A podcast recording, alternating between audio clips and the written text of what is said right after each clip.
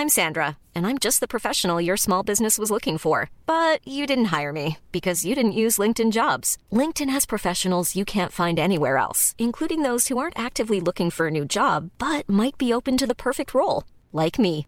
In a given month, over 70% of LinkedIn users don't visit other leading job sites. So if you're not looking on LinkedIn, you'll miss out on great candidates like Sandra. Start hiring professionals like a professional. Post your free job on linkedin.com/people today.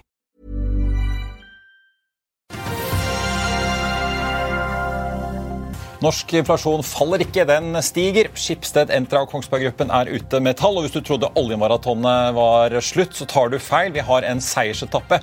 Kvartalstallene til Aker BP er ute, og vi får besøk av han som vil ta sin brasilianske olje på Oslo Børs. Det er fredag 10. februar. Velkommen til Børsmorgen.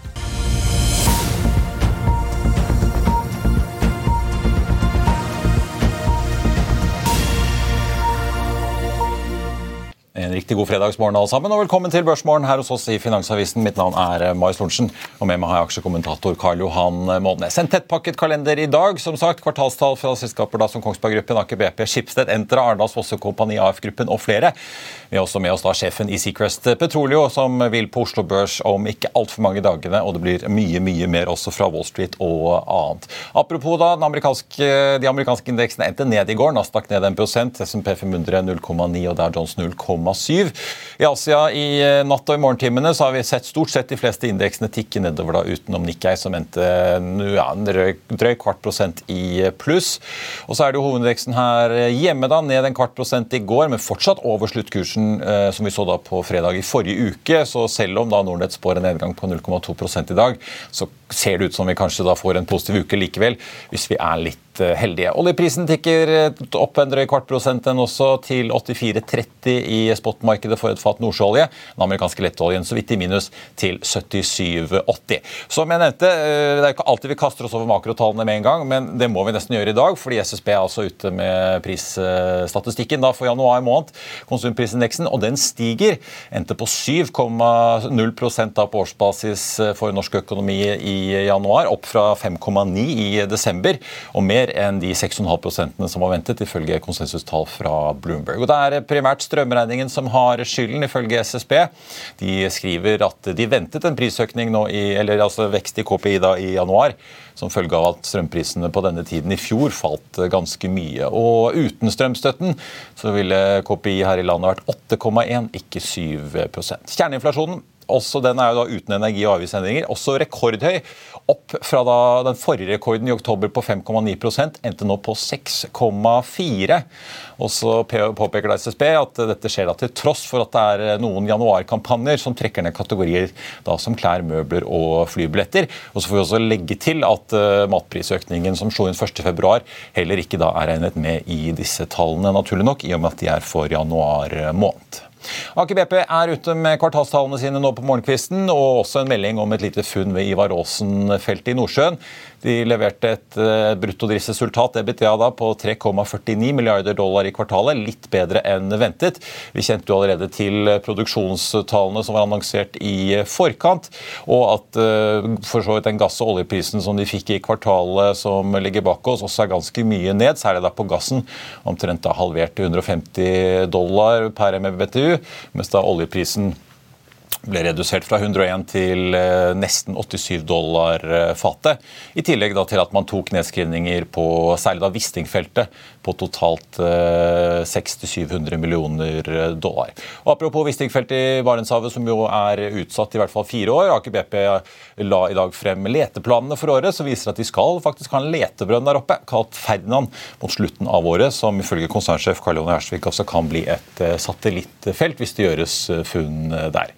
Produksjonsguidingen økes litt for det nye året, opp mot ja, 430 000-460 000 fat, mot nesten 422 på tampen av fjoråret. Aker BP ble jo da grovt regnet dobbelt så store i fjor etter da sammenslåingen med Lundin, og er nå en god nummer to får vi si, på norsk sokkel etter Equinor og staten. Investeringene skal også opp fra 2,8 til nesten, ja, inntil 3,5 milliarder dollar Utbyttene de jekker de også opp med 10% godt over målet på en økning på minst 5 får vi si. Vi snakket med ledelsen og finansdirektøren litt tidligere. David Torvik Tønne, finansdirektøren, sa at ekstrautbytter og tilbakekjøp var vurdert, men man landet altså på en økning i det ordinære utbyttet. Kvartalsprestasjonen den pågår nå, og hvis alt går etter planen, så skal vi få med oss Aker BP-ledelsen i Økonominyhetene 13.30. Da Karl Johan, må vi kaste oss over noen av de andre som har kommet ja. i dag, nemlig Entra og eh, Skipsted. Ta Skipsted først. Det, vi begynner med Skogen Lund. Ja, Det er eh, bedre enn forventa. EBITA 651 mot forventa 593. Det er positivt. Og det er jo sånn To tredjedeler av EBITA kommer jo fra annonser, altså Nordic Marketplaces. da. Mm. Og der De rapporterer 6% underliggende vekst, og eiendom og motor går bra, mens annonser og jobb, altså ren, vanlige mm, annonser for produkter og for jobber og sånn, det går ikke så bra. da. Også eh, på medier også bedre enn forventa. 180 millioner mot 143 eh, millioner. Der er EBITDA-margin 9% og de har jo et kostnadskuttprogram på 500 millioner som skal løfte margin marginen til 10-12% ja. Abonnementssalg er bra, men problemet her er jo at det er veldig lite utbytte. Det er 1 utbytte, og både Schibsted og Adevinta er steindyre aksjer. P45 og P38, så er det ikke mye å gå på. I tillegg så er alle altfor positive til Schibsted. Det er 14 kjøpsanbefalinger og fem hold-anbefalinger. Ingen salgsanbefalinger på en aksje som handler til P45. Og, og det, ja, det, er ikke noe sånn det er ikke, det er ikke så mye ekstra å gå på her fra analytikernes side. da. Men eh, helt tydelig at eh, det, det bruker å være mye støy i disse tallene. så Det positive er at det er clean, virker å være en veldig clean eh, kvartalsrapport. Ja, og Det har jo skjedd mye i Skipsted. Ja. Begynte jo i fjor begynte å selge Advinta-aksjer, startet et tilbakekjøpsprogram. Ja. Jeg ser utbyttet som du var inne på, det holdes flatt på to kroner aksjen, så ingen endringer der. Men jeg merket meg, de har jo gjort litt endringer, trukket, eller gjort om strategien til Lendo, dette finansselskapet deres, eh, som skulle som hjem til Skandinavia igjen, skal legge ned i Portugal, Spania er det vel, og Finland. Eh, men nå skriver de også dette prisjakt, som de vurderer og selger. Eh, det tror de ikke de kan få noe attraktiv prising for, gitt markedsforholdene. Så det er mye bevegelige deler for Skogen ja, om dagen. Pluss at da finansdirektøren jo takket for seg, eller annonserte at han går av. Ja, han vil vel ikke være med på nytt kostnadskuttprogram. Han vil vel være med på få inn noen nye folk da, utenfra. Har, har gjort sitt. så. Men ellers vil vi ta litt om Entra. Jeg skal vi ta på eiendom? Der var det jo store tap i tredje kvartal. Ja, og Tap på 230 millioner mot forventa 190 millioner på bunnlinja, og EBIT som forventa. Betaler jo halvårlig utbytte på 2,50 kroner 50 øre, gilden da på 4,2% Det er jo relativt positivt. da. Men uh, her er det to kjøpsanbefalinger, fire hold og tre salg, og kursen er 120. Og kursmålene i snitt er 114. og eiendom er, Det er ikke noe momentum der, for å si det sånn. Man det er en trykkesektor om dagen. Ja. ja. jeg tror man trygt kan uh, stå over Entra. Ja, hvis man ikke allerede har aksjer fra før, så er det ikke noe, ikke noe vits. Ja, for Det var ganske brutalt i fjor høst. Jeg tror ja. ganske mange, inkludert meg selv, ble litt, egentlig litt overrasket over hvor hardt de var rammet. For man hører jo ofte sånn at det er svensk næringseiendom som er så forgjeldet og eksponert. og Så hadde vi jo Simen Mortensen DNB her som kunne jo fortelle oss at jo da, Entra har begynt å få ganske mye gjeld de siste årene, jo, men, du, men du vet jo det at det som flytter kurser, det er jo penger inn og penger ut. og og det er jo veldig mye utenlandske penger som har kommet inn. og på Det, det Entra holder på med, det er utenlandske penger som har flyttet dette her. og Hvis du ser på hva som skjer i utlandet, så eh, jeg tror alle eiendomsfondene sliter. og Selv et av de største, Blackstones Breite, må jo, må jo låne til 11 for å holde dette her flytende. Så her er, her er store problemer der ute. Så eh, så det Hvis staten har lyst til å bli stor eiendomskjøper, så rekapitalisere opp Entra og ta over igjen og begynne å ekspandere den veien. Man, men det, det, kommer jo ikke til å skje. da. Men, ja. det, er, eh, det, er, det, er, på det nivået. Du må liksom ha nye kapitalkilder eh, for å og jeg, jeg, ser ikke det, jeg ser bare penger gå ut av sektoren når folk oppdager hva de sitter med. De, de sitter ganske innlåst, og det er bare om å gjøre å komme seg ut. Eh, så Bård Bob Bjelgerud har gjort et fantastisk godt timersalg, salg. og han ler sikkert, sitter sikkert og koser seg og ler eh, over hva som skjer nå etterpå, men det har jo vært en, en 40 års oppgang som, som, måtte ta slutt. Ta, stoppe en gang. Fikk en pengevis, men Bård trives i jobben nå, da, så jeg tror han syns det er gøy. Ja da. Veldig bra. Vi må eh, ta med Oslo Børs starter ned en eh, halv prosent fra start, så litt surere enn det som kanskje var eh, ventet. Skipsted eh, ser ut til å starte mellom eh, ja, 1,2-3 i minus, avhengig av om du ser på A- eller B-aksjen. Entra ned drøye 3% fra start. Aker BP også og ned drøye 2,5% fra start. En aksje som starter i pluss etter kvartalsrapporten, er Kongsberg Gruppen, som er opp en, ja, så vidt over halvprosenten nå like etter åpning. De har jo annonsert tidligere at de både spinner ut en fornybar divisjon og en robot- og sensordivisjon fra da Kongsberg Maritim. I fjerde kvartal så melder de om en rekordsterk ordreinngang. Jeg får bare ta tallene, det er ganske vanvittig. Altså 19 milliarder kroner i nye bestillinger kunne kunne da innkassere i de tre siste månedene i året som har gått. Ordreboken endte da på slutten av året på 63 milliarder kroner. Og det er jo selvfølgelig da masse forsvarsordre, missiler, luftvern og andre ting, men også mye i da maritim sektor. I fjerde kvartal økte da inntektene fra 8,1 til 9,4 milliarder kroner, og brutto driftsresultat fra 1,2 til 1,4. Vekst på 15% og bedre marginer i eh, den maritime divisjonen, og vekst på 17% i både forsvar og Kongsberg Digital. Vi får ta med at Utbyttenivået i Kongsberg Gruppen går litt ned. 12 eh, kroner for 2022. Av dette så anser de da 8,40 som det ordinære. I fjor så sendte jo Kongsberg Gruppen da 2,7 milliarder kroner til aksjonærene. Det blir da rundt 600 millioner mindre nå i år. Men vi får også legge på at det var jo da et tilbakekjøpsprogram på 500 millioner som eh, bidro til å løfte det tallet da i eh, fjor. Også verdt å følge med på Airthings i dag. De har jo lenge hatt et mål om å omsette for 100 millioner dollar i 2024. Nå kaster selskapet kortene og skriver i kvartalsrapporten at målet trolig ikke blir eh, nådd. Vi skal få inn eh, dagens gjest og er tilbake rett etter dette. Vil du bli oppdatert på det viktigste som har skjedd innen finans og næringsliv? Da er det bare å følge med, for hver morgen er jeg, Marius Lorentzen og aksjekommentator Karl Johan Malnes på plass i studio for å ta tempen på dagens marked i Børsmorgen. Og hver ettermiddag oppsummerer vi alt du trenger å vite i økonominyhetene, og det blir selvfølgelig masse interessante gjester. Klikk deg inn på fa.no-tv, eller søk opp Børsmorgen og Økonominyhetene der du hører på podkast. Da skal vi begynne med får vi si, dagens gjest, eh, som leder et selskap som 24.1 annonserte sitt ønske om å gå på Oslo eh, Børs. får vi si. Det er jo ikke hver dag i hvert fall i disse tider, at vi får en eh, børsnotering. Og så får jeg bare får si, bytte over til engelsk, for our next guest Scott Aiken, head of uh, Seacrest Petroleum. Pleased to meet you. Good morning. Thank, Thank you for joining us. So I, I wanted to start off uh, because we saw about a year ago the IPO of Vår Energi, uh, followed by a couple of uh, rig IPOs uh, in Oslo last year. Is it only oil and gas that uh, gets any attention these days on the stock exchange? Well, I think or at the, least in the IPO market. That's right. Well, I think in, at least in the uh, Oslo Børs, you have continued to have a very strong uh, energy support, um, expertise, insight, and that makes it a very interesting place for a company like us to uh, engage with investors. And we also get the opportunity to engage with experts like yourself, Marius. Good to know. Uh, so uh, we'll get to your Brazilian business in a little bit, but uh, one of the funds behind this company, Seacrest, uh, which sort of lies in the name, uh, has been around town before with OKEA, the Norwegian oil uh, company. can you just talk about what made Seacrest come back to Oslo Børs this time? So it's a home market. That's been a very good experience. OKEA has performed well, has moved to a dividend paying position, much like our um, business plan for Seacrest Petroleo. So it made it made sense to, as we understood the market, there's good resilience, uh, educated investor base that we're able to re-engage with here. But were you considering listing in Brazil or in London or? Yes, we looked at the various uh, different opportunities. Um, here in Oslo remains the second largest uh, energy focused market within Europe, so that sort of long term support and resilience of the sector was very attractive to us. Of course, some of our peer companies have listed in Brazil and also achieved attractive uh, valuations and liquidity, so we're able to access both investors from uh, Brazil, who are very interested to participate with us, uh, as well as the European and Norwegian market.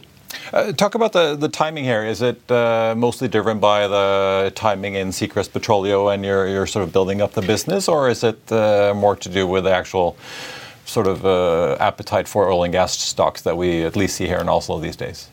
Yes, so we uh, recently acquired a very significant asset for us from Petrobras uh, in Brazil. Um, we have now completed all the relevant regulatory approvals and now we're ready to move to the closing. So that's the that's the, the timing driver. So let's uh, let's talk about the deal because you're you're opening the books today, as I understand, right? For both that's, retail and institutional. That's right. We're raising in Norway and, and the US as well. That's correct. Yeah. Uh, and we're raising 250 million dollars of uh, primary capital, primary equity. And you first said 225, so uh, obviously the appetite has been bigger than you expected, I assume, yeah? Well, yes, we've been very pleased at the engagement we've had with uh, the community.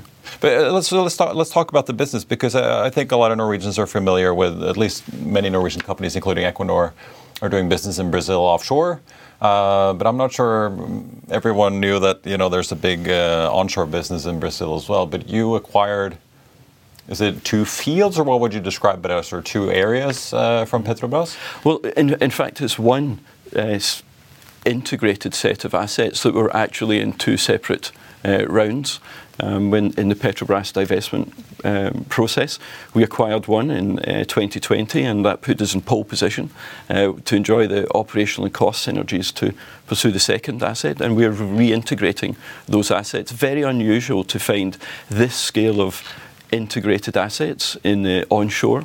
Um, anywhere in the world, but particularly in Brazil, it's quite unique. And that gives us a very attractive integrated set of assets where we control schedule. We have no friction to legacy Petrobras, um, allowing us, in fact, to quite uniquely transfer the oil that we produce from the reservoir through our own processing facilities and directly load it offshore to sea tankers, allowing us to access the global so market. It's not for a uh, domestic market. That's right. No we have the opportunity to sell both domestically and globally, and we have a long-term offtake agreement with uh, Mercuria, one of the largest. Because I know, Carl, we talked about there used to be a, at least a price cap domestically yeah. in Brazil, right? Yeah.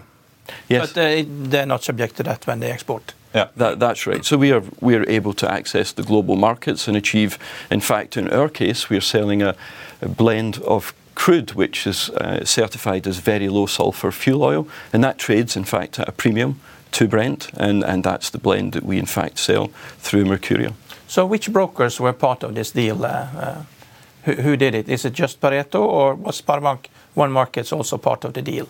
Well, we've had great support from the uh, financial institutions. So here in Oslo we have uh, Pareto, uh, ABG Sundal Collier, um, SB1 um, markets. But in Brazil we have two of the largest uh, Brazilian banks. We have Itaú and BTG Pactual. So that's giving us an excellent coverage of both the European market and access to the Brazilian and US markets as well. Why should uh, why should uh, local investors in Norway buy your stock? Well, uh, we have a very clear business plan. We start with we have 1.2 billion barrels of oil in place, so it's a very significant um, asset. But Petrobras had only produced 17% of that.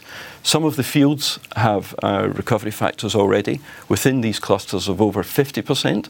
So we have a tremendous upside opportunity to grow that recovery factor from 17% to uh, very high numbers. We've currently certified 29%, meaning we have 140 million barrels to produce, which means we'll take our current 7,000 barrels of oil production per day to triple and quadruple that by 2025 and 2027. And because we actually have a very low cost structure, integrated assets, and very attractive fiscal environment, we can organically grow that production to those levels, but also move the business to being in a dividend paying position uh, by the end of 2024. So we think we're quite uniquely offering investors a significant and clear low risk growth strategy of production and reserves growth, but also moving towards a dividend paying position in how, near term. How is the cost picture developing uh, now? If you listen to the earnings call that Chevron and Exxon had, uh, I think it was last week, they both talked about, at least in the Permian in the U.S., you see cost increases that are above the general oil and gas industry. Uh, what's the, situa- situ- the, situation like onshore in, in, Brazil? I think there's a great contrast there, there is with I'm Sandra, and I'm just the professional your small business was looking for. But you didn't hire me because you didn't use LinkedIn jobs. LinkedIn has professionals you can't find anywhere else, including those who aren't actively looking for a new job but might be open to the perfect role, like me. In a given month, over 70% of LinkedIn users don't visit other leading job sites. So if you're not looking on LinkedIn, you'll miss out on great candidates like Sandra. Start hiring professionals like a professional. Post your free job on linkedin.com/people today. I'll see you in court. Vi sier det ofte litt på spøk, men for deg som driver business, er det aldri moro å innse at du ikke har laget en 100% gyldig kontrakt. Du bør ikke risikere hele firmaet ditt fordi du synes dette med kontrakter er litt stress. En avtale er ikke en avtale. Du kan miste kunder, miste venner, ja, til og med miste inntekter om du ikke lager en skikkelig kontrakt, på alt mulig, egentlig. Men vi vet det er et styr. Kopimaskiner, tregprinter og haugevis av papir. Dessuten stoler vi jo på folk her i landet. Det er ofte litt kleint å skulle be om en signatur for alt mulig, ja, for mye av styret handler også om jakten på underskriften.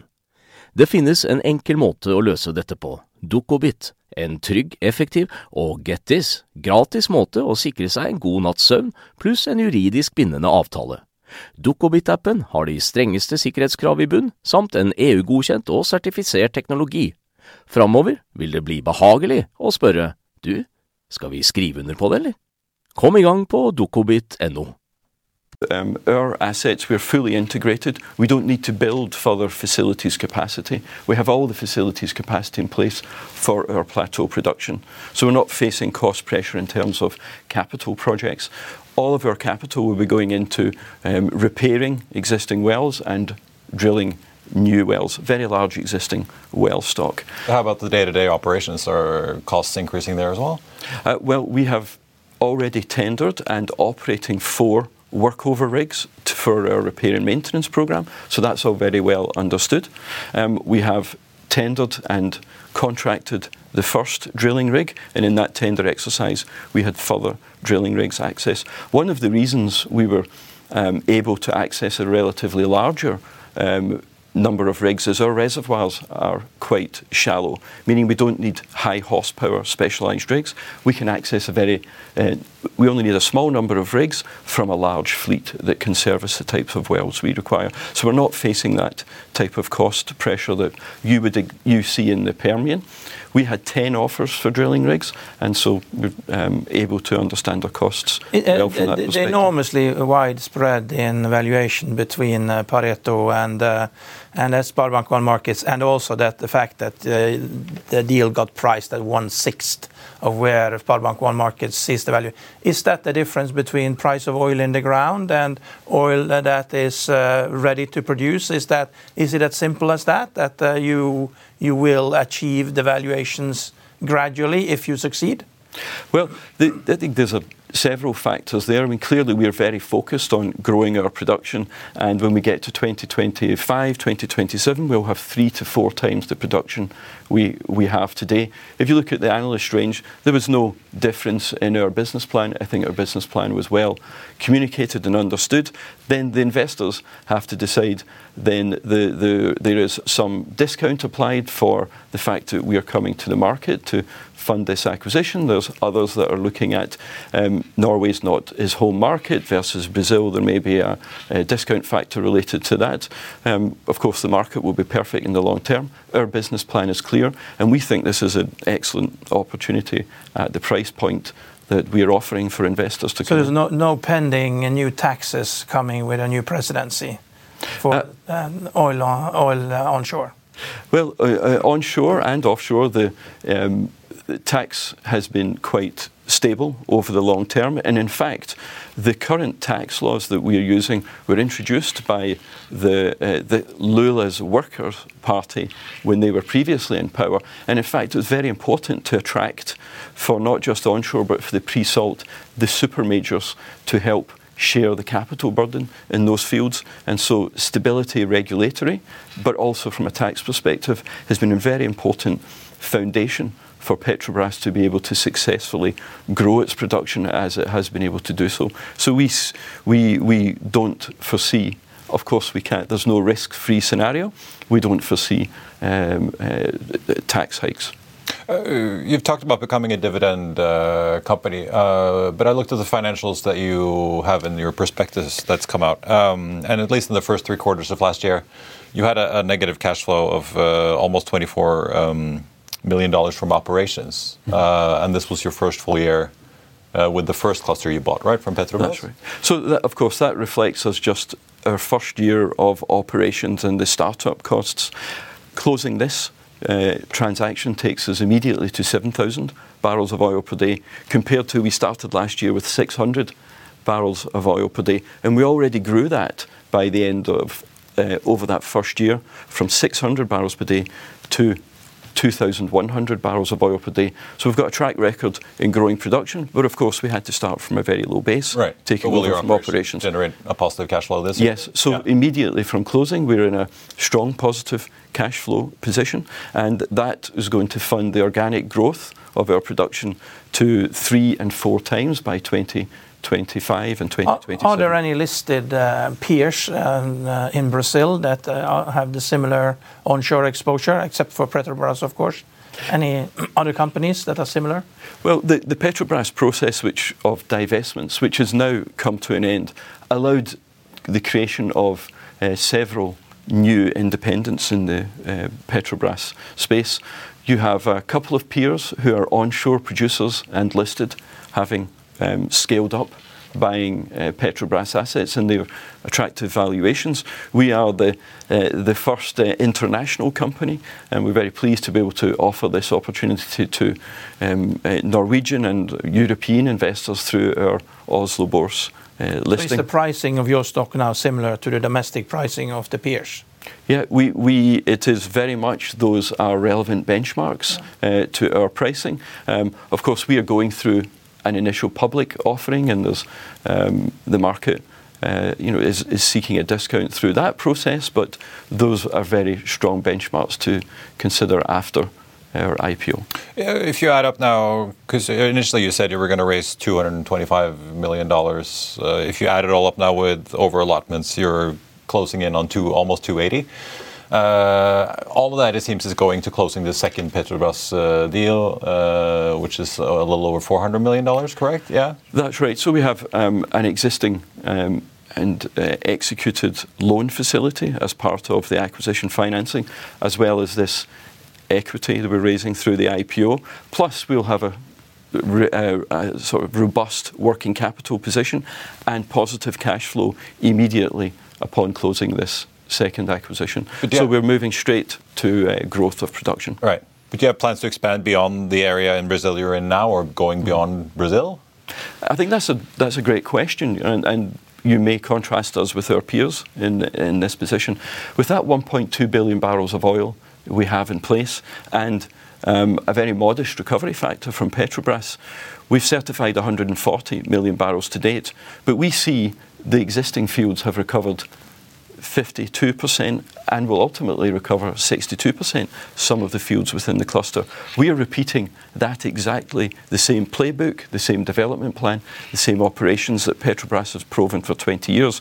We just hadn't applied it to all the fields. So we see the organic opportunity is extremely strong to grow that 140 million barrels further. We have all the infrastructure in place.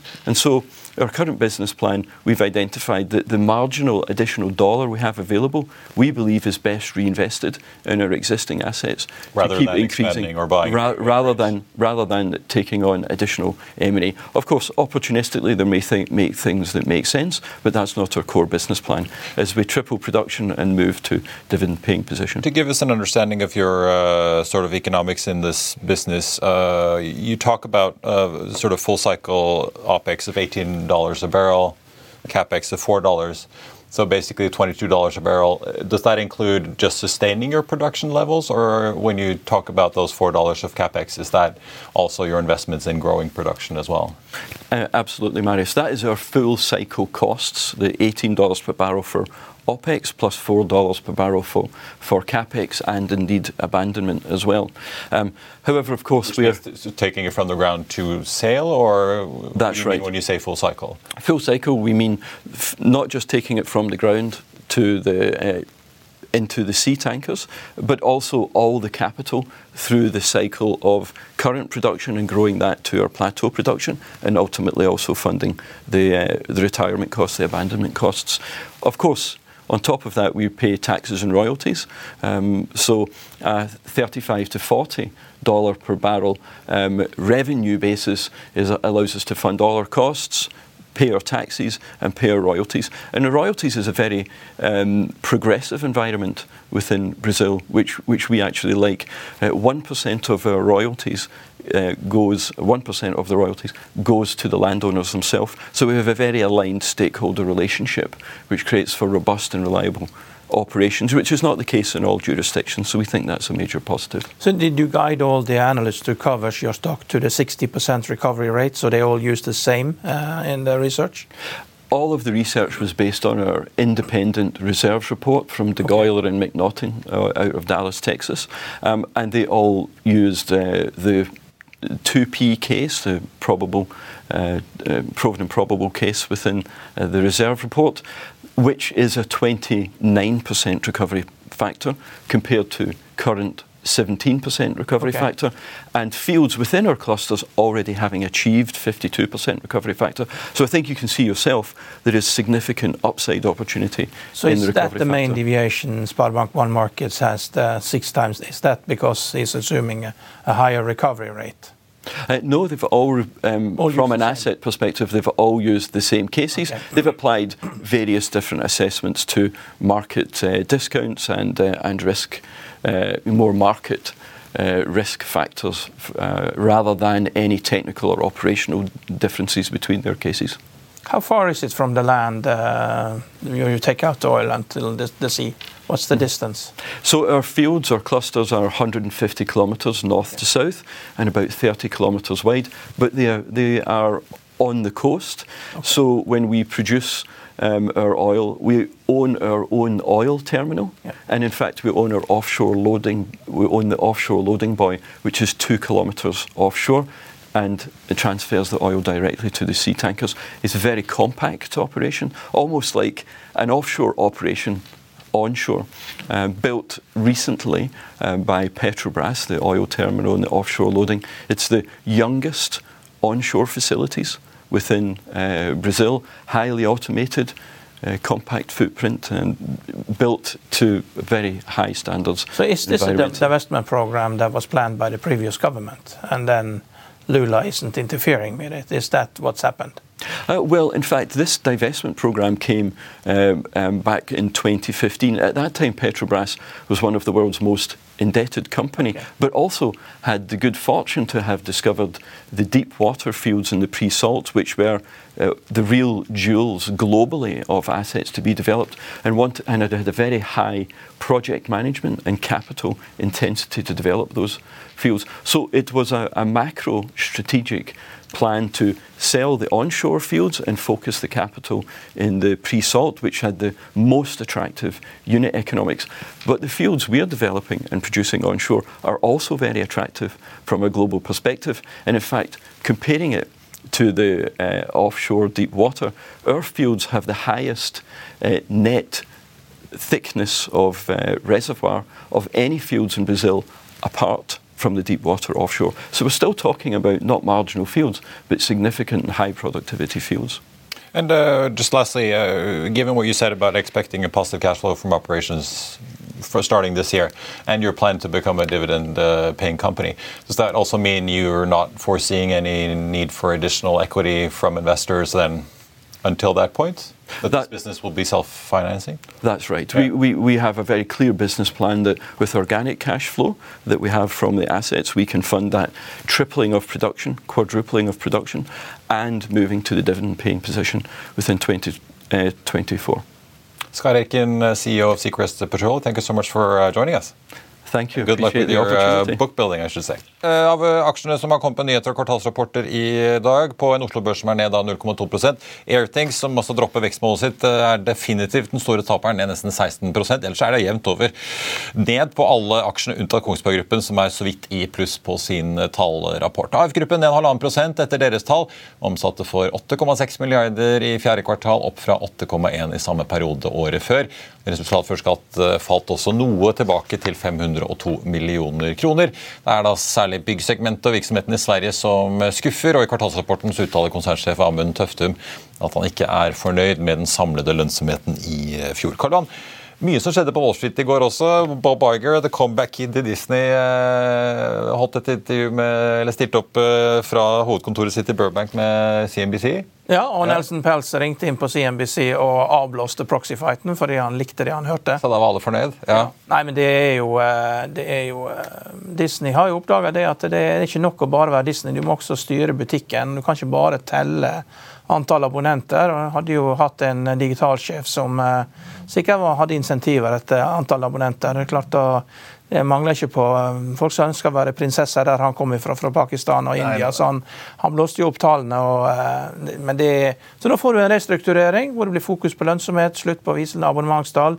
Og de, skal, de, eh, de, er på vei å selge seg ut av Hulu, da, som er liksom en slags à la Riks-TV. Ja, Han vil jo ikke si det rett ut, men jo, det lukter det, kanskje litt sånn? Jo, det, det, er rimelig klart at Og der har jo de en avtale, en fastprisavtale med Comcast som går ut i 2024. De har avtalt en pris pris, der Comcast kjøper resten av dette. Og Comcast er jo kabel-TV-selskap som er gigantisk, har 200 milliarder dollar i markedsverdi. Og Comcast, eh, man har vært på CNBC etterpå i går kveld, etter etter eh, du gikk og la deg, tipper jeg. Og det gikk på morgensending i dag. Han sa at han var veldig glad for å høre dette her. Og det var great TV for Comcast og CNBC. Og han gleder seg og håper å få ta over Hulu, og kan gjøre det til et mye bedre program. da. Eh, for det, det, det som Disney skal fokusere på, det er at de skal fokusere på liksom non-differentiated programming. Det skal de bort ifra. Det er Hulu er jo sånn. Generell underholdning. Generell underholdning, Det skal de ikke bruke penger på. Ja. Så de, de må fokusere og for å, å, å, Men det er fortsatt for tidlig liksom, å løpe etter Disney-aksjen for det, for det her skal det gjøres en jobb. Og de pengene fra Hulu får du vel ikke før i 2024. Så det, en, det var en avtale som inngått i 2019, ja. eh, og der at du ja, ble enige om hvordan du skulle gjøre dette. her. Aksjen var opp sånn 3-5 i går. Men Sikker med det igjen. Ja. Ja, nei, for det er jo pga. det som skjedde, at du fikk en presisering av hva som er på vei. og Det er et stykke arbeid som skal gjøres. og det er klart det er jo eh, det, Disney er jo artig, da, men det er klart 1000 dollar dagen eh, på Disney liksom, Det er ikke alle som har råd til det. Det er klart når Citadel da, eh, de kan jo ta sine 10 000 ansatte etter de har tjent like mye penger som Walmart og spandere tre dager på de i Disney. Men det er ikke alle som har Citadel. ikke sant? Så det, er, det har blitt veldig spesielt. Så beholder de ISP-en inntil videre? Men... Ja, ISP-en er jo gull. så det, det fortsetter de med. Det blir jo egen divisjon. Eh, Vi må bare kjapt også ta eh, Uber-konkurrenten Lyft. Ja. Eh, tanket over 20 30 var den. Ja, endte der, ja. ja. Ja, det er, nei, Lyft er 10% av Uber, og Lyft er på vei ut. og Det vil nok bli fusjonert med Uber. og Da har Uber sine egne problemer. Men alle disse plattformselskapene eh, som har slitt med å tjene penger når renten er null, nå oppdager jo det at folk kutter tilbake. og ja, Det blir renessanse for gule taxier. De blir billigere enn Uber. og ja, det, blir, eh, det er ikke så lett, dette her, selv om at du har en suveren business. Går inn i konsolideringstrenden, får vi si. Ja, altså det, er, det, er, det, er, mye som skjer nå. Ja. Det er mye som skjer. Det er mange selskaper. Vi har jo skrevet i kommentarene her om disse her eh, kjøp nå, betal senere-aksjene. De går jo i veggen, de også. Så Affirm må kutte 19 av sine ansatte. og Klana i Sverige de har jo tall som det er bare liksom Scandinavian Airlines Systems som tør å komme med sånne tall. Liksom, det er jo 8-9 milliarder kroner i svenske kroner i tap allerede etter, kvartal, etter, tre kvartal. Så det er jo helt utrolig hva som har pågått. og det er Når vi, når vi kommer til å se bak, tilbake på dette i ettertid, så er liksom hva i all verden vi har holdt på med. Da man fikk drive med tap? Ja. ja. Takk skal du ha, Karl Johan. På tampen, eh, tre analytikeroppdateringer. Arctic eh, oppjusterer DNB etter kvartalsrapporten fra storbanken. Kursmål tar de fra 2,20 til 2,25. SEB øker fra så vidt da 2,04 til 2,06, mens JP Morgan eh, går fra 1,85 til 1,90, så noen kronestykker her og der. Og får vi si da De to første har da kjøpsanbefaling. JP Morgan har hold på DNB. DNB endte jo da ned 0,7 i går til 188,90. På Hexagon Composite så tar ABG og oppjusterer kursmålet med en tier til 43 kroner og sier kjøp fortsatt da til sine kunder. Hexagon ned 2,5 i går til 35,30. Og så er det TGS, da, seismikkselskapet. SEB øker kursmålet fra 2,15 til 2,40, samtidig som de beholder da kjøpsanbefalingen. Sparebank1 Markets jekker også opp sitt kursmål med 20 kroner til 210. TGS sendte ned 2 i går til 180 og 30 øre. Og Det var børsmålen for denne fredag 10. februar. Og dermed er det også får vi si, snart slutt på børsuken. Husk å få med deg Økonominyhetene klokken 13.30 med både Kongsberg Gruppen og Aker BP. altså. I mellomtiden så får du siste nytt på FA1 og gjennom hele børsdagen. Ha en riktig god helg alle sammen, og så ses vi igjen på mandag.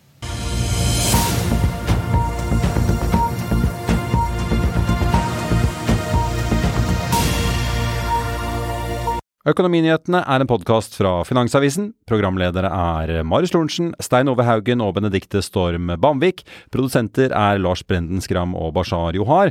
Og ansvarlig redaktør er Trygve Hegnar.